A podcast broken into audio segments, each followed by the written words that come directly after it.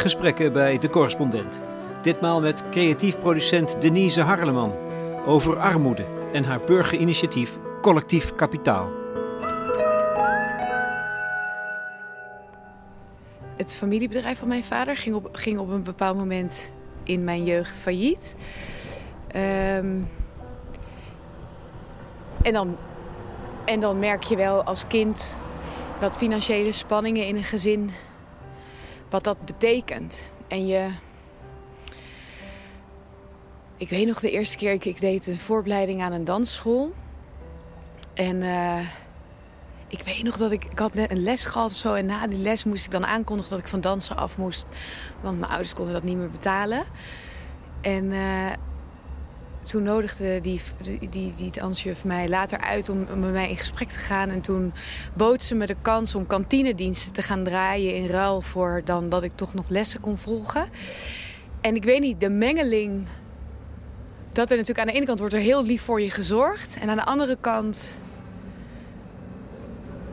je zit gewoon direct in een andere categorie als kind of zo, weet je. Je weet gewoon dat je daar aan het werk gaat omdat je ouders iets niet kunnen. En je weet eigenlijk ook dat je vrienden en je vriendinnen dat niet hebben. En ik weet niet, ik kan, ik, dat moment zal ik nooit vergeten. Is dat misprijzen?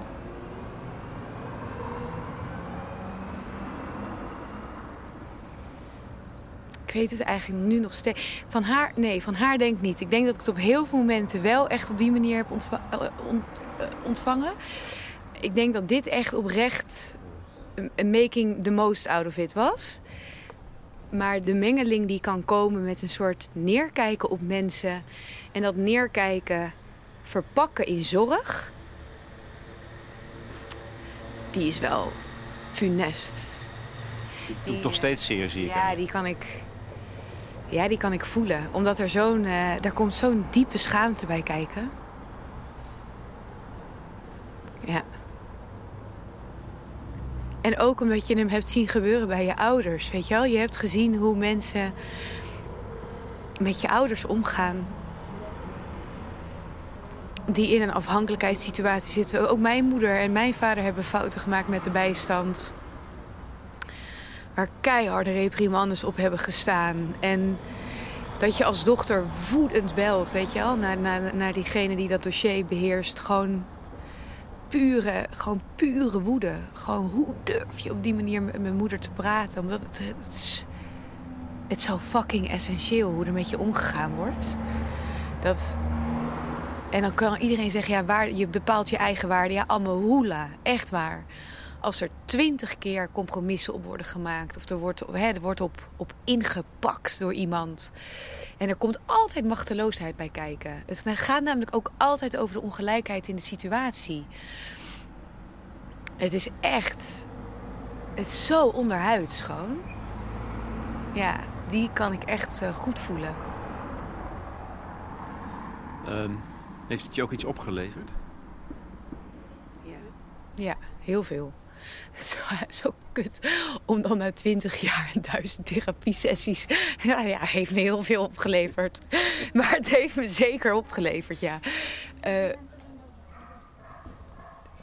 ik ben gewoon veel minder bang om kwijt te raken. Om materiële dingen kwijt te raken. Dus ik, ik, ik leef in die zin denk ik misschien vrijer of zo, zou je kunnen zeggen. Dus ook collectief kapitaal.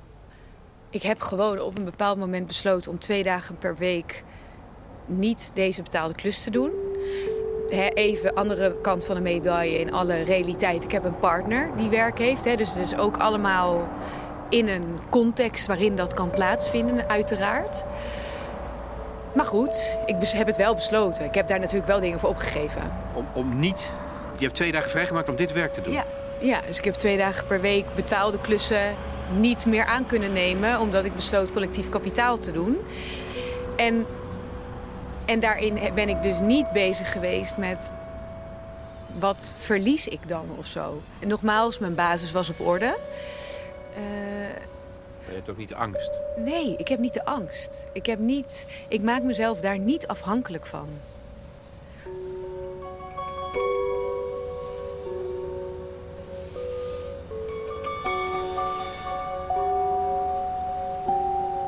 Armoede, of beter bestaansonzekerheid is iets wat verschil maakt en wat voelbaar is in de verhouding tussen mensen. Denise Harleman heeft het aan den lijve ondervonden en dat bepaalt mede haar inzet voor het sociale experiment dat ze vorig jaar, aan het begin van corona, is gestart: Collectief Kapitaal. Een onbezoldigd burgerinitiatief dat speelt met het idee van een basisinkomen, maar toch echt anders werkt. 100 deelnemers schenken acht maanden lang 50 euro per maand ten behoeve van een vijftal mensen die dat hard nodig hebben. Dat is het principe. Mooi, eenvoudig idee. De praktijk is weer barstig. Maar misschien gaat het wel veel minder om het concrete resultaat dan om het proces en hoe dat iedereen die meedoet affecteert. Dit sociale experiment stelt fundamentele vragen over wat samenleven is. Denise Harleman werkt als producent in de culturele sector. Ik tref haar op de stoep voor haar huis dat ze net betrokken heeft in Rotterdam. Boven wordt geschilderd. Ze is net verhuisd dus, bovendien zwanger. En ze heeft het project Collectief Kapitaal op haar schouders. Uh, Denise, hoe gaat het met je? Klein beetje vermoeid, zou ik wel uh, durven zeggen. Tegelijkertijd um, heel dankbaar. Heel bijzonder om dit ook allemaal wel mee te maken hoogzwanger. En met een project bezig te zijn waarvan ik echt geloof dat de wereld er een stukje mooier van wordt. Dus ik word er ook af en toe emotioneel van op een mooie manier. Want het is dus wel degelijk met elkaar verbonden. Ja, ja het is verbonden in die zin. Um, nou, dat ik graag een situatie in de wereld wil creëren waarin meer mensen bestaanszeker zijn. Waarin je, waarin je condities kan creëren waarin iemand een goed leven voor zichzelf kan opbouwen. En tegelijkertijd probeer ik een goed leven voor iemand in mijn baarmoeder uit te zetten. Dus in die zin uh, gaat dat wel een relatie aan, ja. Het is ongeveer een jaar geleden begonnen, hè? In de lockdown, in jouw hoofd, met een inval, volgens mij. Ja, dat klopt. Mm, het begon eigenlijk met een vraag. Um, wat, wat is solidariteit? de, de, we zaten net in lockdown en eigenlijk had iedereen het continu over solidair zijn met elkaar. En ik vroeg me af, hoe ziet dat er nou eigenlijk uit? Is dat, is dat af met een keertje boodschappen doen voor een, een buurman of buurvrouw? Gaat solidariteit ook over opoffering? Hoe ver reikt de verantwoordelijkheid die komt kijken bij solidariteit? En dat vond ik eigenlijk ik vond het zo fascinerend dat ik zelf ook niet het antwoord wist. Dat ik dacht, hé, hey, dit ga ik eens samen met andere mensen onderzoeken. En toen dacht ik ook van, hoe, hoe kan je nou... Hoe kan je jezelf ook in een positie van verlegenheid brengen om zo'n vraag te onderzoeken? Dus ik dacht al vrij snel, ik moet, ik moet eigenlijk ook een soort pot geld bij elkaar brengen. Om vanuit daar te kijken aan wie geef je het dan? En in welke condities? En wie heeft dan volgens mij recht? Of durf ik me helemaal niet te wagen aan die vraag? En dat is eigenlijk uh, het startsignaal van collectief kapitaal geweest. Waarom moet het in verlegenheid? Het is een term van Adelheid Rozen waar je nauw mee hebt samengewerkt. Jezelf in verlegenheid brengen, waarom is dat zo'n waardevolle positie? Omdat ik denk dat voor alle dingen die je in de wereld wil creëren, uh, het belangrijk is dat je zelf ook door een situatie van andere beschouwing heen gaat. Dus dat je zelf ook onderdeel van het probleem wordt. In plaats van dat je er als een beschouwer naar kijkt en denkt te weten voor een ander. En ik denk dat als je zelf hebt moeten ondergaan de vraag wie vind ik dat recht heeft, bijvoorbeeld, om, om dit in dit kader te noemen, dan wordt, wordt onderdeel van de gedachte ook je eigen emotionele belevingswereld. En die maakt het, het antwoord misschien niet meer waar, maar wel completer. Is dit dan ook het verschil met wat je zou kunnen noemen de systeemwereld? Want er is, er is een soort sociale zekerheid nog altijd. Hè? We hebben wetten en uh, er wordt geld gegeven aan mensen. Jij verhoudt je tot die systeemwereld. Bewust. Als iets wat van een andere orde is. Ja, of van een andere orde. In ieder geval ik denk dat de menselijke relatie of zo, die, die ik nu met collectief kapitaal leg, een ander uitgangspunt heeft inderdaad dan de systeemwereld. Omdat ergens zou je kunnen zeggen, de systeemwereld probeert ook zo goed mogelijk persoonlijk buiten beschouwing te blijven. Als een, als een wetmatigheid waarop een systeem beter zou functioneren. Hè, eh, precedentwerking of uh, privé en zakelijk gescheiden houden. Dat zijn eigenlijk allerlei gedachtegoeden die ook voortkomen uit hoe een systeem functioneert. Terwijl ik vind eigenlijk al die wetmatigheden bizar. En ik denk ook dat... Ja, juist omdat je het persoonlijke erbuiten laat. Totaal. Het maakt het eigenlijk allemaal inefficiënter. Het maakt het minder compleet. Het maakt het uh, bureaucratisch. Eigenlijk komt de bureaucratie vanwege het onpersoonlijke. Is dat ook misschien wel meer dan al het andere de oorzaak van zo'n catastrofe als bij de Belastingdienst?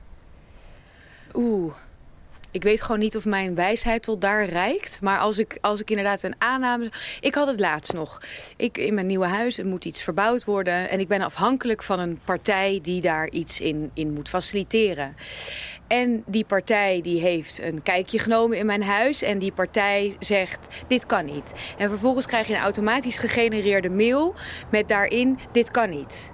En dan kan het hele proces opnieuw. En je weet niet, je weet eigenlijk niet de observatie die iemand heeft gedaan. Je weet niet of er ook nog alternatieve mogelijkheden zijn. Je kan opnieuw beginnen bij de klantenservice, waar je het persoontje nummer 10 aan de telefoon krijgt. Dus feitelijk ben je al door zoveel loopholes heen gegaan. Terwijl als ik één iemand voor mijn neus had gehad, met wie ik van A tot Z een gesprek had kunnen voeren. Ik zeg niet per se dat de uitkomst anders was geweest, maar mijn wanhoop was wel uh, verkleind. En ik had me gehoord gevoeld. En ik, misschien had ik zelfs wel me kunnen neerleggen bij de uitkomst. Maar nu weet ik niet hoe, hoe iets tot stand is gekomen. Dus je hebt geen grond onder je voeten. Dus nog los van, van hoe uh, dat die toeslagenaffaire op heel veel niveaus echt schandalig is, is ook de wijze waarin die communicatie plaatsvindt. Dat drijft je tot wanhoop. Gewoon omdat je niet weet met wie je uh, aan de slag kan. Ja, dat is het Kafkaeske. Echt. Die al heel vroeg hè, het, het echec van de bureaucratie ja. heeft uh, beschreven. Ja, en, dat, en ik, met collectief kapitaal is het natuurlijk niet zo dat ik... Um, het is niet zo dat we de hele dag met iedereen allemaal in contact staan en, en, dat dat dan de oplossing is voor al deze dingen. Maar ik geloof wel dat het gaat over een aantal basale ingrediënten die je, die je stopt in het samen zijn. Zoals vertrouwen, zoals hey, als het nodig is, dan weet je mij te vinden. En dan ben ik het gezicht met wie jij in, in contact kan komen. En dat helpt denk ik al een heleboel, ja. En dat is voor alle duidelijkheid, uh, Denise, ook waar jij überhaupt mee bezig bent hè, als producent. Om te onderzoeken wat, het, wat dat menselijke kan zijn in een systeemwereld. Ja, zeker. Um, en, en niet omdat ik denk dat het menselijke de oplossing is. En dat kan dus. Ja. Nou ja. We hebben het eruit gefilterd, hè? Ik hoop het. Ik hoop het. Nou, collectief kapitaal zijn we heel ver. Ik durf nog niet te zeggen dat het ons is gelukt. Maar we hebben behoorlijk wat hordes genomen in de afgelopen 14 maanden. Ja. ja.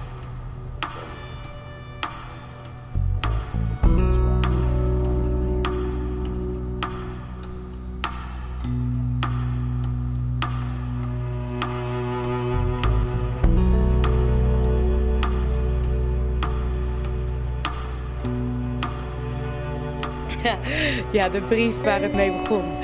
Uh, met Denise, ik wil je wat vragen. Ik ben een project aan het opzetten waarin ik 100 mensen probeer samen te brengen die acht maanden lang 50 euro per maand betalen. Daarmee brengen we 40.000 euro bij elkaar en dat geven we aan vijf Amsterdammers die daarmee acht maanden lang 1000 euro per maand ontvangen. Ondertussen voeren we gesprekken met elkaar en onderwerpen we ons handelen aan een nader onderzoek. Doe je mee? ja, je moet er zelf op lachen nu. Ja, omdat het zo... Um, omdat het zo op de esprit van... Wat, wat zou er kunnen als ik dit gewoon ga doen? Het, er zit ook zoveel... Um, er zit ook zoveel naïviteit in. Ik denk dat als ik... Als ik als deze Denise, deze Denise van nu had gekend... had ze wel een paar keer op de hoofd gekrapt. Ja. ja maar dat is dus een schitterend startpunt. Die naïviteit. Jazeker. Anders doe je het niet. Nee, dan had, je, had ik het niet. Ja, jawel. Ik denk uiteindelijk is het zo waard. Maar dan had ik er anders in gezeten, inderdaad. Eh, en nu kon ik dus eigenlijk, of ik heb mezelf gepermitteerd om, om uh, met heel weinig voorkennis toch een vrij brutale vraag te stellen. Um, ja, en er waren toch uiteindelijk honderd mensen gek genoeg om te denken: hé, hey, ik stap mee. Ging dat makkelijk? Nee, helemaal niet. Nee. Ik denk dat ik zeker. Uh, nou, ik had natuurlijk ook een hele positieve inschatting gemaakt. Ik begon in maart met bellen. Ik dacht, nou, in juni, juni heb ik er wel honderd. Ik heb honderden mensen uh, gesproken. En ik begon in juni met 60 mensen, denk ik. En ik ben twee weken geleden kwam de honderdste pas echt het collectief in. Na een jaar? Na een jaar, ja. Dus zo makkelijk is het niet, hè? Wat, wat is het wat houdt mensen tegen? Of wat, wat ben je tegengekomen? Um, ik ben tegengekomen veel opvattingen over goede hulp. Dus hè, in, in dit kader wordt het compleet losgelaten hoe dat geld besteed wordt, aan wie. En het, het is ook helemaal aan de persoon die het uiteindelijk ontvangt om zelf te besluiten hoe en wat. Er zit eigenlijk geen enkel controlemechanisme in collectief kapitaal. In die zin is dat een onderdeel voor mij ook hoe het basisinkomen is bedoeld. En waarom het zo urgent is. Hè? Het is niet alleen een economisch model, het is een sociaal model. Um, en ik denk dat veel mensen uh, dachten als ik nog niet weet aan wie het geld gegeven wordt en ik weet ook niet precies wat die persoon ermee gaat doen, komt mijn geld dan wel goed terecht? Jij baseert je liever op het gedachtegoed van Hannah Arendt, volgens mij. Amor Mundi. Ja, dat. Nou ja, en, en, in, en dat het... Kun je, dat, kun je het nog toelichten, wat je, wat je raakt in haar werk, in haar wereldbeeld? Dus? Heel vrij dan even, hè, maar eigen, de, een soort de, de toe-eigening van dat, dat alles je aangaat. Dat, je, dat het allemaal onlosmakelijk met elkaar verbonden is. En dat je... Uh, dat je daarin dus de verantwoordelijkheid moet nemen om positie te nemen en te, zorgen voor het geheel. Um, en dat, dat geloof ik denk ik ook.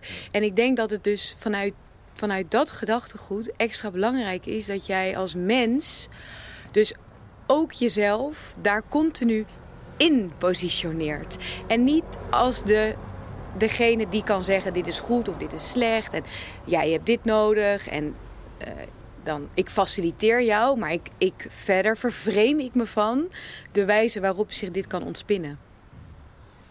Je noemt overigens het basisinkomen, terwijl ik de indruk heb dat je juist dit niet als een experiment met het basisinkomen moet zien. En dat is een vergissing. Ja, dat is echt zo'n goede vraag. Tot op heden is dit een soort van.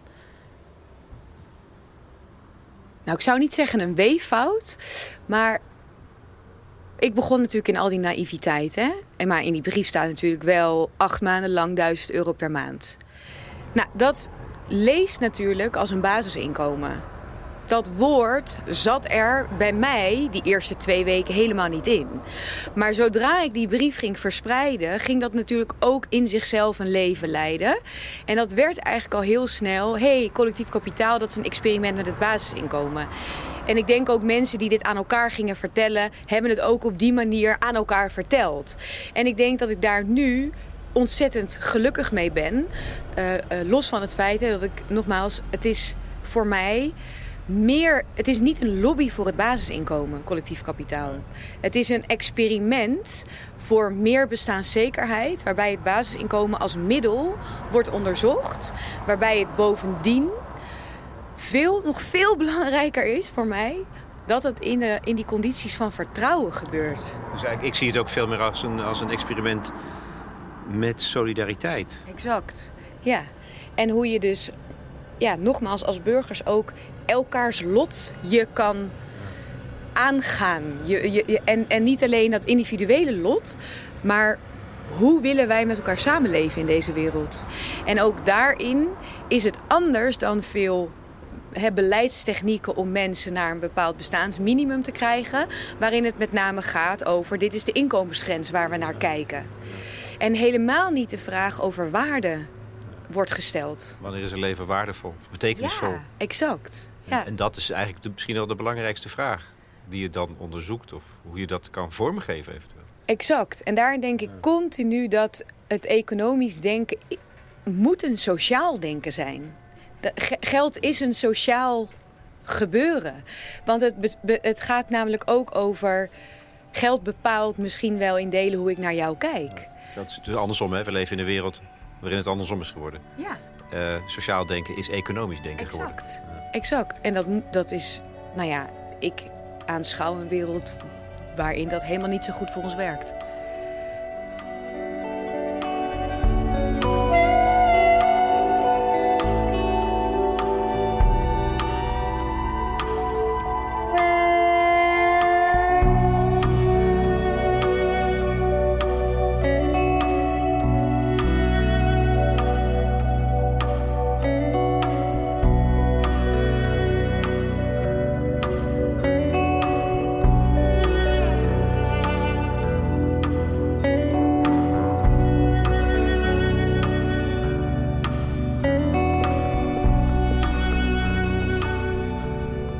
Stukje. Denise Harleman van Futurability. En dat spontane experiment, collectief kapitaal. We gaan over op de uitvoering. Je hebt, je hebt 100 mensen. Die zijn bereid iedere maand 50 euro te geven. Zomaar. Zonder voorwaarden. Maar ja, dan zet je een aantal stappen. Want hoe ga je daar dan mee aan de slag? Je hebt volgens mij in eerste instantie een aantal... Want de, de belangrijkste vraag werd dan vervolgens... aan wie gaan we het geven? Nou, aan wie ga je het geven? Ja, dat weten we dus nog steeds niet. en dat is eigenlijk uiteindelijk dus... Uh, dat is ook het ontwerp geworden, dat niet weten. Ja. Um, we kwamen er uiteindelijk achter heel veel opvattingen. De eerste paar maanden hebben we vooral heel veel aandacht besteed aan gesprekken uh, tussen die honderd mensen om eigenlijk naar boven te krijgen wat leeft er nou allemaal als het gaat over geld en, en, en solidariteit. En waarom zou je het doen bijvoorbeeld? Waarom zou je het doen? Inderdaad, aan wie? Maar ook hè, wat jij net zei, zonder voorwaarden. Nou ja, daar zitten we nu. Maar in september waren er ook misschien nog wel mensen die dachten... Nou, zonder voorwaarden mag, mag ik er misschien drie, weet je wel? Dus zo ben je gewoon met elkaar aan het verkennen wat zou dit kunnen zijn. Want dat is denk ik een juist een heel belangrijk onderdeel toch, van het hele proces. Precies dat. die, beraad, die beraadslaging. Ja, dat was fantastisch. Um, en omdat er met 100 mensen natuurlijk zoveel verschillende perspectieven zijn, zijn we uiteindelijk het gesprek gaan. Of nou ja, dat hebben die gesprekken eigenlijk uit zichzelf gedaan. Er kwamen telkens drie kernwaarden naar boven. En dat was toch voor iedereen vertrouwen, waardigheid en autonomie. Dat waren drie belangrijke elementen. Ook voor al die mensen die misschien wel in de uitvoering daar een, hè, een andere wijze op nahielden. We steken een drukke Kralingse plaslaan over. en toen we die waarde eigenlijk naar boven hadden gekregen... Ehm, konden ook veel mensen die in eerste instantie misschien nog wel dachten van nou, helemaal zonder voorwaarden, eigenlijk best wel goed leven met het idee. Nee, ja, uh, nee, laten we het inderdaad gewoon echt vrij houden. En de vraag vervolgens aan wie werd ook niet wij bepalen wie dit geld nodig heeft, maar degene die zichzelf als bestaansonzeker identificeert, die, die kan zich bij ons gaan inschrijven. Maar ik denk doordat je ook naar andere mensen luistert, ook belangrijk binnen het collectief, zitten natuurlijk ook mensen die zelf uh, ervaring hebben met, met niet bestaansonzeker zijn. Of mensen die werken of in hun netwerk mensen hebben die dat niet zijn. Als je luistert naar die ervaringen, dan leer je ook dat het eigenlijk gewoon niet zo heel veel oplevert om voor iemand anders te bepalen wat goed is en wat niet. En ik denk dat je, dat, dat soort ervaringsdeskundige kennis best wel doorslaggevend is geweest, ook bij collectief kapitaal. Weten hoe het aan de lijve ondervonden wordt. Ja, maar ook... Hè... Want dat weten we dus niet. Dat is de, dus een conclusie die ik trek. Kennelijk weten we dat dus gewoon niet. Nee, want... Dat vragen we nooit. Je kan, stel, iemand krijgt 1000 euro per maand. Even een dom idee. Of gewoon een voorbeeld. En die koopt een breedbeeldtelevisie. Ja. Als eerste aankoop ja, dan kunnen jij en ik naar dat bonnetje kijken en denken... nou, is wel een hele gekke aankoop. He, je, ja. Het gaat helemaal niet goed en dan koop je een breedbeeldtelevisie. Wat jij niet weet, is dat die persoon misschien wel alle kinderen uit de buurt uitnodigt. Die ook eigenlijk allemaal in gezinnen leven die bestaansonzeker zijn. Die nog nooit een leuke serie op hun televisie op die manier met elkaar bekeken hebben. Je weet het gewoon niet. Dus je moet stoppen met ja, naar de eerste dingen te kijken. Uh, mooie stad, echt. Het, het, ja. het, het gaat soms ook over. Uh, ja. Wat nou als iemand er alcohol van koopt? Wat nou als iemand er drugs van koopt? Stel dat gaat helemaal slecht hè, uiteindelijk met iemand. En dan heeft mijn geld ervoor gezorgd dat iemand dat heeft gedaan. Ik denk dat we dan. Ik denk persoonlijk dat we dan niet de juiste vraag stellen aan elkaar. Ik denk echt dat dat. Dat voorkomen is voor mij niet um, betere zorg dan dat geld geven en er vervolgens naast blijven lopen dus ik kan heel goed alsnog zorg plegen voor iemand zonder die verantwoordelijkheid uit handen te nemen. Ik geloof dat er een en-en scenario mogelijk is. En ik denk dat we gewoon daarin. Ja. Daarin misschien soms ook wat meer de ander aan moeten gaan. Want inderdaad, natuurlijk geef je niet zomaar 1000 euro en, en, laat, het, laat het je onberoerd of zo. Maar ja, wat zit, er, wat zit er tussen die twee uitersten? Daar ben ik ook nieuwsgierig naar. Je geeft dat vorm, hè, die gesprekken. Je, bent, je hebt ook een soort theaterinstinct. Je doet daar iets slims volgens mij. Je, je, je lokt mensen uit hun tent. Ja, ik heb dat wel geprobeerd. En dat begon denk ik sowieso... Dat begon eigenlijk iedereen... Um, had een, heeft een profiel van zichzelf gemaakt. Eh, toen die gesprekken begonnen. En dat ging eigenlijk over. Ehm, op welke manier ben je, ben je zelf wel of niet bestaansonzeker? Uh, wat, wat is voor jou, wat zijn dromen die je hebt of verlangens in je leven? En, en uh, nou ja, eigenlijk hele menselijke vragen. En daarin ontbrak eigenlijk de vraag: hoe oud ben je? Wat is je naam? Wat voor werk doe je? Die zaten allemaal niet in dat profiel. En mensen hadden dat allemaal ingestuurd. En toen uh, begonnen die gesprekken in september. Had iedereen een envelopje voor zich liggen. En dan onderdeel van de kennismakingsronde was dus dat je dat envelopje opendeed. En mensen lazen ineens hun eigen woorden voor, die ze over zichzelf hadden geschreven. En dat doet blijkbaar dus iets met mensen. Sommigen raakten ontzettend ontroerd van hun eigen profiel. Sommigen schoten keihard in de lach van... Uh, What was I thinking toen ik dat schreef? Nou ja, mijn leven ziet er nu zo anders uit. Maar dus er ontstond een interne dialoog... die vervolgens ook direct met de groep werd gedeeld. Dus dat, dat gaf ook direct een andere mentale ruimte. Ik denk dat alles in die zin wat ik probeer te doen en niet, ik is het ook wel echt die 100 mensen vind ik wel heel belangrijk. Want in mijn eentje was dit helemaal niet gelukt. Dus, dus iedereen die zich hier heeft, aangesloten is essentieel. En wij zijn met elkaar een gemeenschap aan het vormen die echt continu probeert ook naar zijn eigen integriteit te kijken. Hè? Want in die uitvoering uh, moet je dus ook compromissen maken. Dus je, je hebt uiteindelijk al die gesprekken met elkaar gevoerd. Je bent op, op iets uitgekomen. Maar we leven niet in een black box. Dus, dus wij, wij komen in aanraking met dat systeem als je straks dat geld aan mensen wil gaan geven. En dan blijf je dus ook als groep naar, naar jezelf kijken. Van hé, hey, zitten we nog op de juiste weg? Wat, wat is ons, wat is ons uh, morele kompas? Welke compromissen kunnen we wel maken? Welke zijn onbespreekbaar? En dat is eigenlijk de rode draad. Dat, dat waarde uh, ja, als, als richtinggevend element aanhouden. Maar ga je daar verslag van doen? Van die gesprekken, van die, van die honderd mensen, hun profielen, hun, uh, dat hele... Dat is buitengewoon fascinerend proces. Nogmaals, ik denk dat dat een van de essentiële aspecten is van dit hele experiment. Ja, we hebben een, uh, een groep mensen uit het collectief, de, de onderzoeksgroep. En die uh, zijn eigenlijk al dat materiaal op dit moment aan het doorspitten. Om ook echt te kijken naar... Oh, wat goed uh, verschuivingen in waardeopvattingen. Dus wat zie je al, wat is er al gebeurd sinds september tot aan nu? Um, uh, nog directer, hè, verslaglegging van die gesprekken. Daar zijn we ook gewoon naar aan het zoeken. Uh, een van de niet zo romantische, maar wel hele realistische hobbels is... wij doen dit allemaal zonder geld.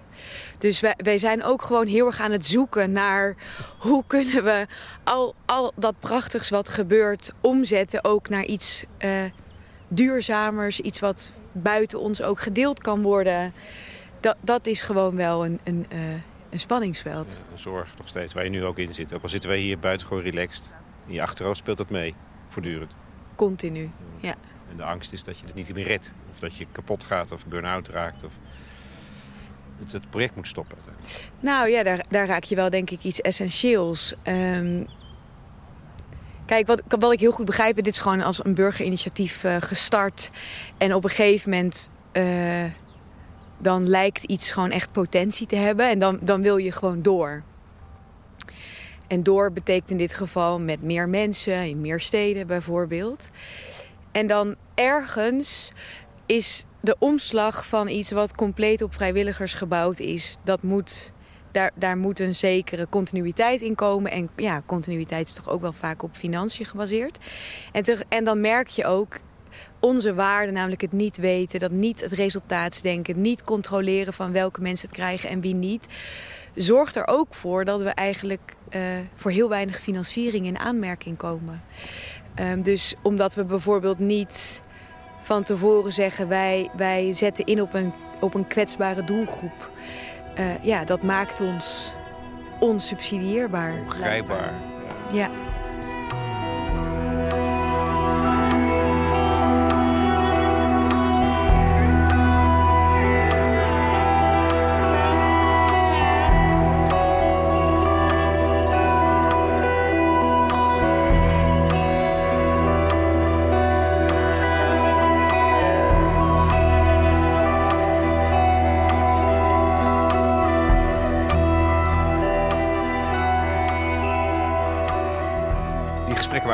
Toch?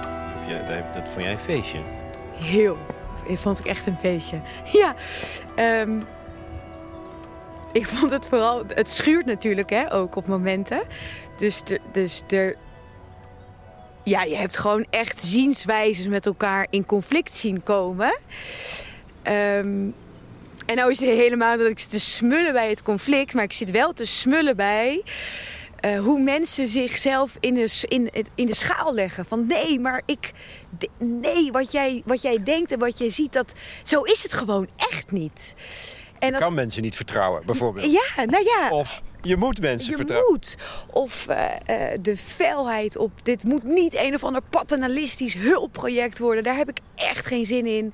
Ik, ik, wie ben ik om te bedenken wat iemand anders nodig heeft? Ik waag me niet eens aan aan de vraag wie.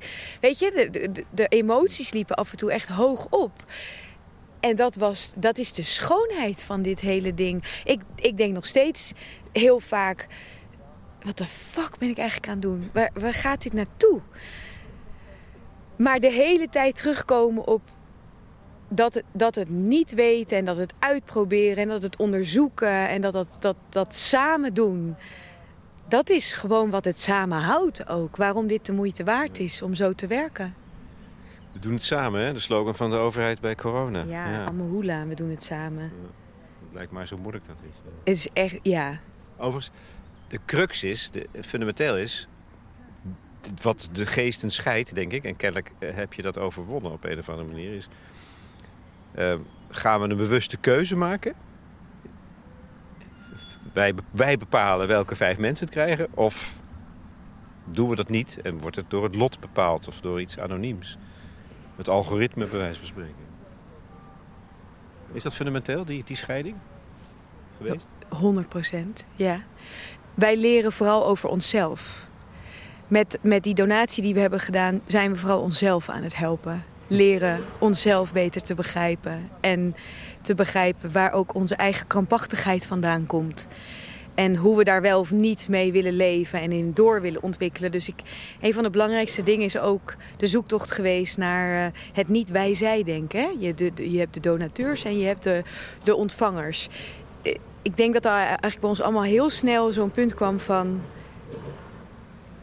Oh, nee, maar ik heb mezelf zojuist een cadeau gegeven door aan dit gesprek mee te doen. Dus hoe kan ik nou hoe kan ik zorgen dat ik dat gevoel de wereld inbreng? Dat, dat we eigenlijk uh, dat die twee kanten, dus de, de mensen die moedig zijn om te geven zonder te weten, en de mensen die moedig genoeg zijn om te ontvangen zonder te weten, wij hebben elkaar heel hard nodig om dit ding uit te proberen. En daar gaan we even geen hiërarchie in aanbrengen. Wij zijn een gemeenschap aan het bouwen. En dan is dus dat element waar jij net op terugkwam, hè, dus het niet weten, het aan het lot overlaten. dat is daarin namelijk elementair. Want anders had je nou al positie ingenomen ten opzichte van de ander. Want dan had ik gedacht, jij hebt het nodig en nu ben ik in staat om jou daarin te verheffen. Nou ja, je kunt ook zeggen, het is, heeft iets moois hè, als die relatie er is. Dat is een bewuste relatie, van mens tot mens. Bedoel, jij pleit ook voor het menselijke in, in de samenleving. Ja, maar die relatie is er nu niet per se niet. Ik weet nog, ik weet nog steeds uiteindelijk straks ja, ja. Wie, wie dat zijn. Overigens uh, hebben we ook heel lang de optie op tafel gehouden om mensen in volledige anonimiteit deel te laten nemen. Maar omdat dit onderzoek wat we aan het plegen zijn ook zo belangrijk is, uh, uh, laten we dat voor nu gaan. het is uiteindelijk niet zo dat, dat de wereld komt te weten wie deze ontvangers zijn. Dat mogen ze helemaal zelf bepalen. Maar een aantal mensen in het collectief moeten het wel te weten komen. Ehm, maar een relatie bouw je niet per se alleen maar op door te weten wat van tevoren hè, wat die ander nodig heeft. Iets kan ook gewoon gaandeweg vorm krijgen. Die parameters aan het begin ze een relatie. Dat hoeft helemaal niet een goede relatie te worden.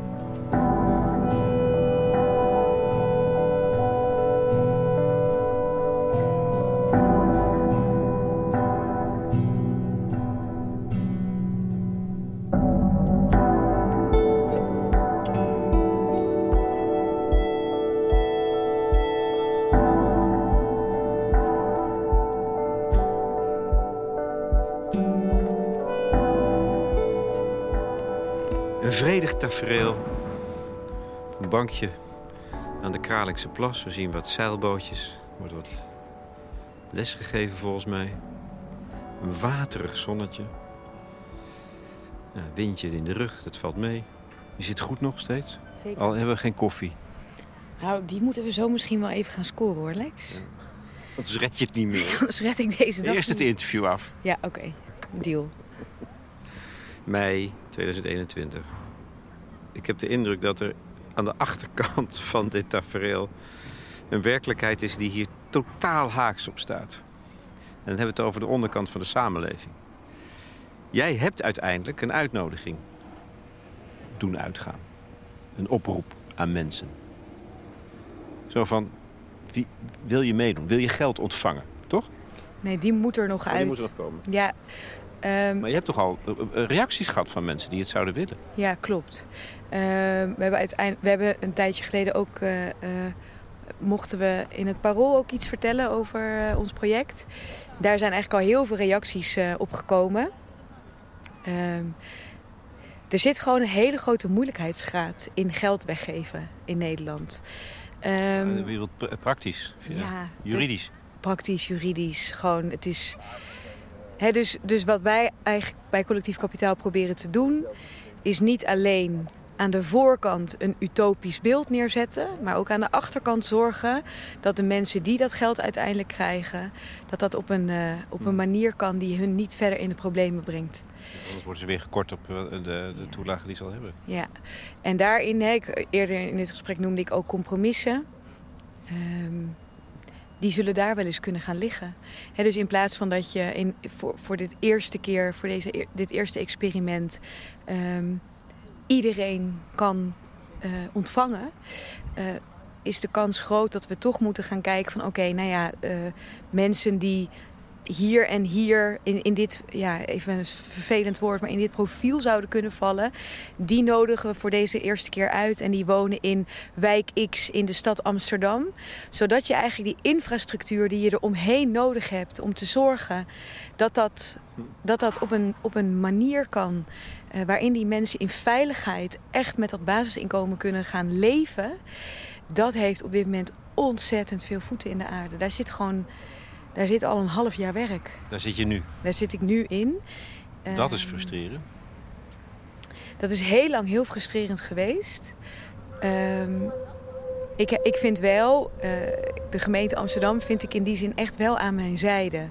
Eh, ook al, eh, zij kunnen niet de wereld in één keer mooier maken. Er zit natuurlijk ook spanningsveld tussen wat er vanuit eh, eh, wetgeving, vanuit het Rijk komt... wat er lokaal aan ruimte gevonden eh, kan worden. Dus dat, dat, dat zijn we continu aan het verkennen met elkaar. Maar dat daar ontzettend veel inzet wordt gepleegd... om, om dit in ieder geval een, een, een poging te geven om te laten slagen... dat is wel echt aan de hand. Dat is heel bijzonder. Ik voel me daarin echt, ja, echt gesteund. En we weten allemaal niet wat dat als eindresultaat eh, eh, oplevert. Maar we zijn wel allemaal echt oprecht aan het zoeken. Wat voor soort mensen komen in aanmerking? Moet je van soorten mensen spreken? Och. Je hebt zelf profielen opgesteld in een bepaald deel van de fase. Ja, dat klopt. Oh, dit vind ik eigenlijk ook direct het stomste stuk om over te praten. Omdat, ik, omdat dit zo voorbij gaat aan wat ik, wat ik hoop dat het, dat het zou kunnen zijn. Maar goed, eh, met de billen... Hoezo dan? Dat begrijp ik niet helemaal. Ik heb er echt moeite mee om in categorieën te denken. En het feit dat dat eigenlijk nu wel nodig is, noodzakelijk is hè, om een bepaalde inkomenssituatie in kaart te brengen. Zodat je ook kan kijken, hé, wat zou er eventueel tussen aanhalingstekens mis kunnen gaan. Of als financieel bijeffect kunnen ontstaan. Als, als deze mensen die in deze categorie inkomen zitten 1000 euro zouden krijgen, heel belabberd toch? Het is toch gewoon, is toch gewoon hels eigenlijk. Maar ik ben het wel aan het doen. We zijn het met z'n allen aan het doen. Ehm, Omdat het het gevaar is dat je het hebt over zielige mensen. Ja, ik denk dat ik. En dat kan dus ook weer een hele persoonlijke angst zijn. Hè? Dus dat ik eigenlijk degene ben die eh, het stigma op dit moment in, in, in, in stand houdt. door hier niet in mee te willen. Maar ja, ik ben daar denk ik bang voor. Ik ben bang voor als ik in categorieën ga denken dat ik, dat ik eigenlijk doe waar ik. wat ik eigenlijk contraproductief vind. Dan vraag ik het anders. Krijg je niet te maken nu met schrijnende, bittere armoede? Het soort armoede waarvan wij neoliberalen denken dat die niet bestaat... of niet willen weten dat die bestaat. Eh, ja, nee, daar krijg je niet mee te maken, omdat die groep mensen in alle ervaringen die ik nu heb opgedaan het minst makkelijk te helpen is. Het is echt de, de rauwe werkelijkheid is dat mensen in de participatiewet, hè, dus onder andere die bijstand ontvangen, die mogen niks erbij ontvangen. En dat is gewoon de groep waar, waar alles wordt geïnd zodra ze iets extra's hebben. Dus dat is eigenlijk de groep die het, die het misschien wel het hardst nodig heeft. Tegelijkertijd, hè, die, daar, daar, nou ja, daar zit ook een bijstandsuitkering al op. Dus er zijn ook categorieën die, eh, waarin mensen niet een uitkering krijgen... die ook echt in bittere armoede leven. Maar wat me wel... Hè, gewoon als ik grosso modo eventjes iets zeg... Het is heel moeilijk om in Nederland iemand geld te geven om een goed zetje in de rug te geven. Maar was dat niet de reactie op, de, op het verhaal in het parool? Mensen melden zich spontaan. Wat krijg je dan te zien over Nederland? Ehm, nou, het, het, het eerste. ehm, soms waren mensen bang. Hè? Dus ook sommige mensen die niet mee gingen doen aan, aan collectief kapitaal. Omdat ze misschien ook bang waren dat mensen zich zouden aanmelden. die het in hun optiek niet nodig hadden. Dat beeld heb ik niet gezien. Ik heb eh, alleen maar mensen in de mail gehad. die ehm, vanuit hele persoonlijke redenen. een prachtig verhaal schrijven waarom 1000 euro per maand hun leven echt vooruit zou helpen. En dat zijn, dat zijn inderdaad verhalen eh, van mensen die echt tussen wal en schip vallen in het systeem. Dus bijvoorbeeld iemand die eh, een gehandicapte eh, zoon heeft van boven de 18.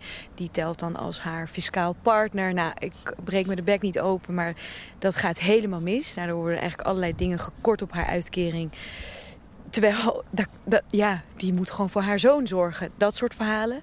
Mensen die aangeven, ik zou zo graag eigenlijk een keertje mijn zorgverzekering wel kunnen betalen deze maand.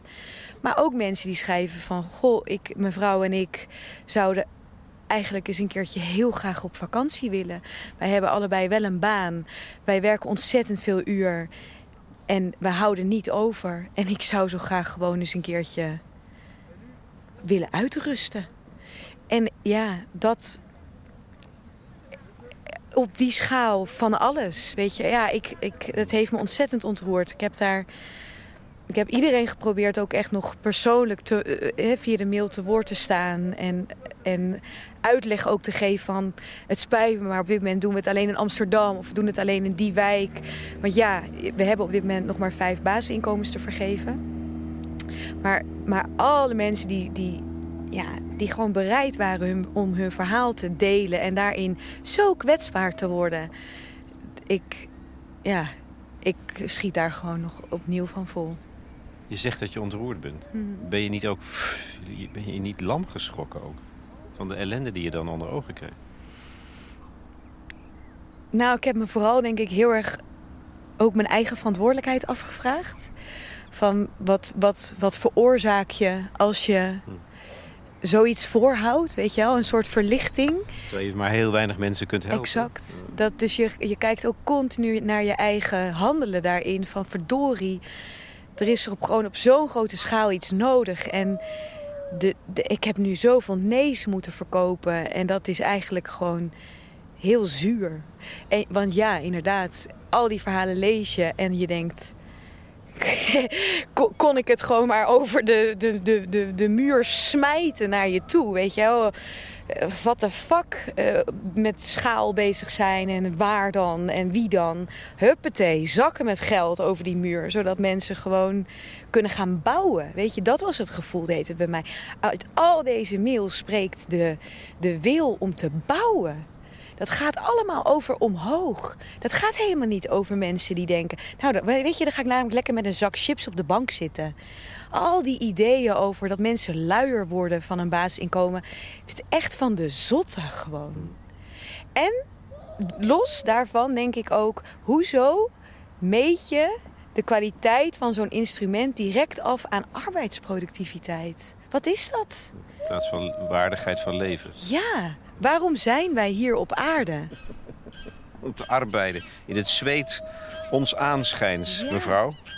Nou ja, dat, weet je. En ik, nogmaals, ik wil helemaal niet zeggen... het basisinkomen is, is, de, is de, oplossing voor alles. Maar wat ik probeer te open te breken... zijn onze aannames over een waardig leven, een goed leven... en hoe dat tot stand kan komen. En hoe beleid daarin kan faciliteren, de ja of de nee. Prima, kom met een betere oplossing dan het basisinkomen. Maar schrijf het niet af omdat je niet direct significante vooruitgang ziet op, op de arbeidsproductiviteit. Waarbij arbeidsproductiviteit eigenlijk alleen maar gemeten wordt door arbeid die wij hebben goedgekeurd. Hè? Het huishouden valt er niet bij. Nou, ik weet niet of dat niet goedgekeurde arbeid eh, als zodanig zou moeten klassificeren. Of iemand die een speeltuin drainen houdt in een wijk als vrijwilliger. Waardoor daar ontzettend veel veiligheid ontstaat. Laten we daar eens een gesprek over voeren met elkaar. Wat, wat dan allemaal van waarde is. En dan mag jij wat mij betreft een kruis zetten door dat basisinkomen. Kom maar, maar kom wel met een beter alternatief. En dat hebben we op dit moment niet dat waar je het nu over hebt, hè, dat, de, de, de, de, zure constatering dat je ook zoveel niet kunt helpen, hoe dan ook, ook als het lukt. Dat lijkt mij iets wat je hele project, of jou persoonlijk, nog het diepst zou kunnen aantasten. En misschien dus daarmee wel het grootste gevaar. Ja. Ik, ja, dat... Dat ervaar je ook zo. Ja. Ja, daar zit wel de grootste daar zit wel een angst, ja. Maar wel, dit is echt een hele oprechte poging om te zoeken naar... kan het ook anders? Hoe kan het ook anders? En hoe kunnen we dat samen doen? Anders gevraagd, hoe, wat, wat houd je dan onder deze omstandigheden nog steeds op de benen? Dat het moment steeds dichterbij komt dat er vijf mensen een basisinkomen gaan ontvangen... die dat in een die dat mogelijk ook nog eens een keer in een hele veilige manier zouden kunnen doen. Hè, als we echt met elkaar alle risico's hebben doorgewerkt. Um, en dat ik dan toch echt hoop dat die, dat die vijf mensen uh, zichzelf daarmee iets geven. eh, wat, ze, wat ze al heel lang hopen en wensen. En dat het op die kleine schaal in ieder geval iets heeft gebracht wat, eh, ja, wat echt de moeite waard is. En wat me ook echt op de been houdt. Jij zit hier nu aandacht aan te besteden. Eh, dat doen al die mensen bij de gemeente die hard werken. Dat doen alle mensen in het collectief. Alle mensen die hebben op, een, op een artikel hebben gereageerd. De, er is wel echt een beweging in gang gezet. Je moet je even voorstellen, er zitten vrijwilligers wekelijks hè, twee uur met elkaar te vergaderen en in hun vrije tijd acties te, te doen. En dan kan ik daar af en toe naar kijken, naar die, naar die gesprekken. En denk ik, potjandori, 14 maanden later, we hebben er allemaal geen euro mee verdiend. En het boeit ons allemaal niks. Want blijkbaar geloven wij allemaal, misschien net een beetje anders, maar we geloven genoeg in iets om hier gewoon keihard voor te werken. Ja, dat vind ik echt fantastisch. Dat houdt mij op de been.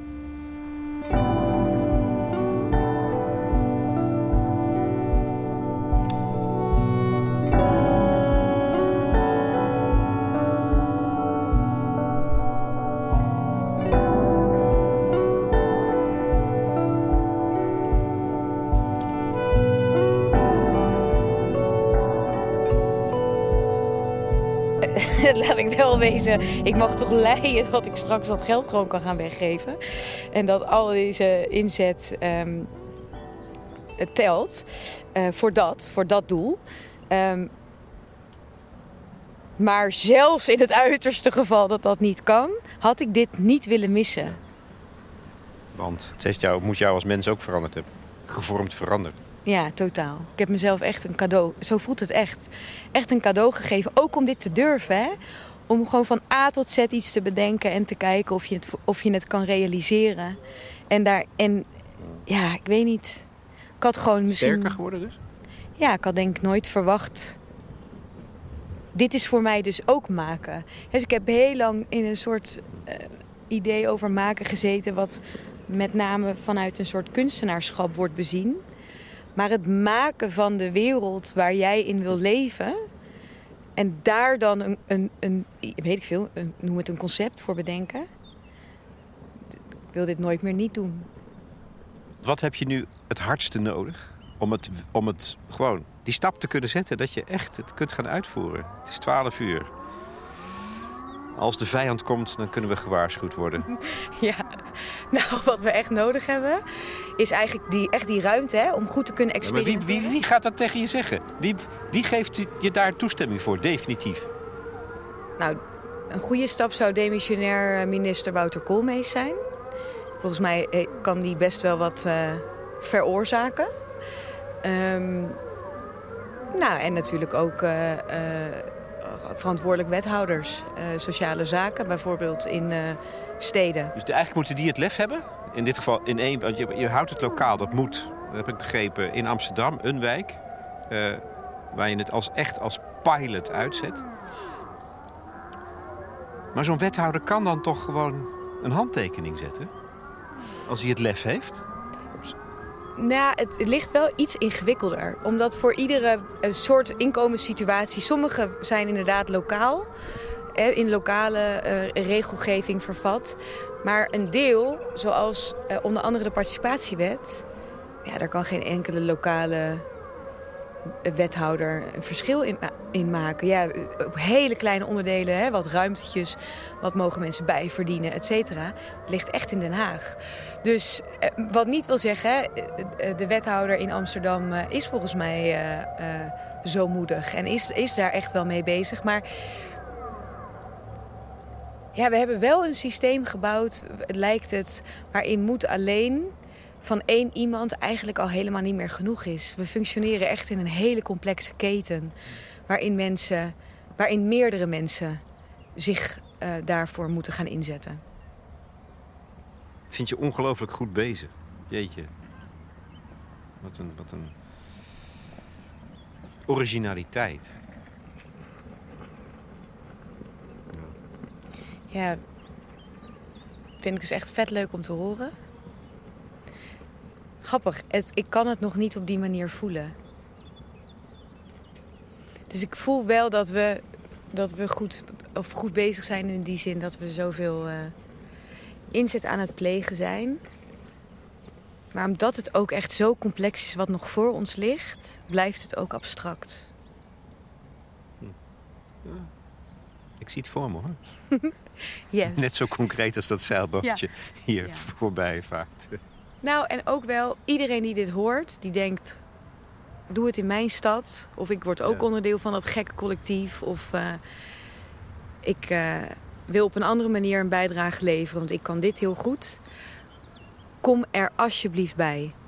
Want ik denk massa, volume. Op een gegeven moment zijn we niet meer te ontkennen met elkaar. Nou, dan, dan komt de wereld echt in beweging. Dat tipping point, daar, uh, daar kunnen wij met z'n allen aan werken. Ik denk echt ook heel vaak voor, over dit soort dingen. Gemeentes moeten hun financiering misschien gewoon een beetje anders organiseren. Er is zo weinig risicobudget voor eigenlijk zoveel hele goede initiatieven van burgers. En, en alles ook weer met subsidies en het duurt allemaal zo lang. Jongens, kom op, zorg gewoon af en toe even dat je, dat je wat sneller kan schakelen. Want, want hoe plat ook, hè, die ideeën die ontstaan wel. Een idee is niet afhankelijk van geld. Maar de uitvoering, gewoon, jawel jongens. Je kan heel ver komen hoor, met je goede intenties. Maar op een gegeven moment heb je gewoon euro's nodig. En die schort het een beetje aan. Ik gun ze je. yes. Dankjewel. Met bakken. Dankjewel. Graag gedaan.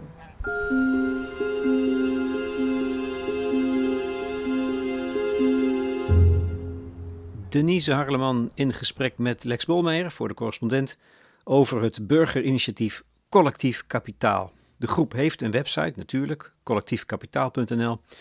Daar kun je je eventueel aanmelden. En er zijn vast veel vragen of vergelijkingen met andere initiatieven. Laten we daarover doorpraten. Wat vinden jullie van de gedachte achter dit initiatief? Zinloos, schitterend? Is het aan de overheid of kun je daar niks van verwachten? Reageer in de bijdragensectie, die is toegankelijk voor leden. En je bent al lid voor zeven tientjes per jaar.